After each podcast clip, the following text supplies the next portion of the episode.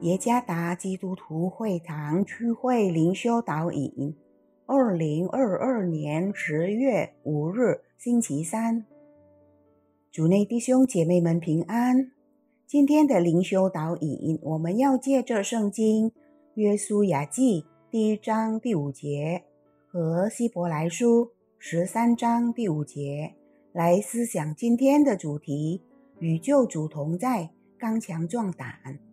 作者李米萨牧师，约书亚记第一章第五节：你平生的日子，必无一人能在你面前站立得住。我怎样与摩西同在，也必照样与你同在。我必不撇下你，也不丢弃你。希伯来书十三章第五节。你们存心不可贪爱钱财，要以自己所有的为足，因为主曾说：“我总不撇下你，也不丢弃你。”摩西死后，约书亚被指定为接替以色列人前往应许之地的领导人选。约书亚心中害怕接替这个领导棒。因他感到自己身心都还没有准备好，但主总是鼓励约书亚。主对约书亚说：“你只要刚强，大大壮胆。”主一遍又一遍地告诉约书亚，同时也给约书亚保证，保证主会与约书亚同在。就像他与摩西同在一样，使约书亚无论往哪里去，凡事都可以成功。是否现在我们也有同样的感觉？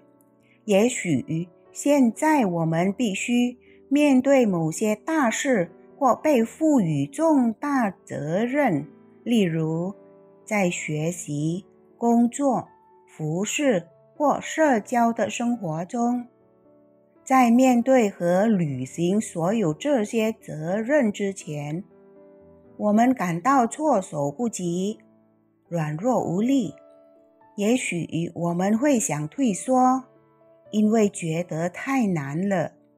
请记住，主是真正的救主，将永远与我们同在，并支持我们。不要灰心。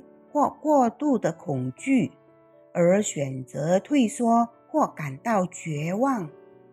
无论我们做什么或执行什么，主都会使我们成功。条件是我们必须坚持在真理的道路上，也不要偏离主想要我们走的路线。这可作为我们倚靠主并遵守他话语的凭据。当一切按照主的旨意而行时，我们就会顺利地度过每一次的挣扎，因为是主使我们凡事都能做。例如，我们在工作方面被赋予了重大的责任时。纯敬畏主的心而做，主让我们在所做的每一件事，在他眼中都会成功。主总是信实的遵守他与我们同在的应许。遗憾的是，有的时候是我们违背诺言，偏离他的真理。主的话语提醒我们。如果我们能持守在真正的真理中，那么无论我们做什么都会成功。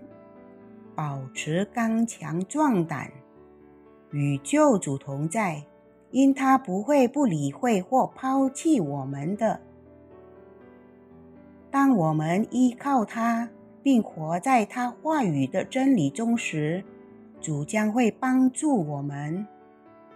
主耶稣赐福。